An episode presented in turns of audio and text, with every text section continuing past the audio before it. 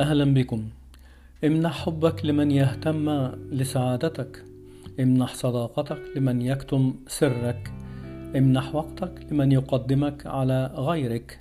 أدر ظهرك لمن يتجاهلك. امنح قوتك لمن يبحث عن ضعفك. امنح قلبك لمن لا يستطيع العيش من دونك.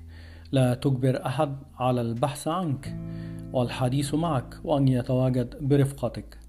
فالاهتمام الذي لا يأتي من تلقاء نفسه لا حاجة لنا به. من لا يهوى حديثك ترفع عنه ومن لا يقترب منك خطوتين لا تتقدم له بخطوة. فالإفراط في العطاء يجعلهم يعتادون ويزهدونك. لا تجبر أحد على الاهتمام بك والسؤال عنك. فمن يحبك حقا سيبحث عنك كما لو كان يبحث عن شيء ثمين ضاع منه. فالاهتمام صفة لا يمكن لأحد أن يتصنعها.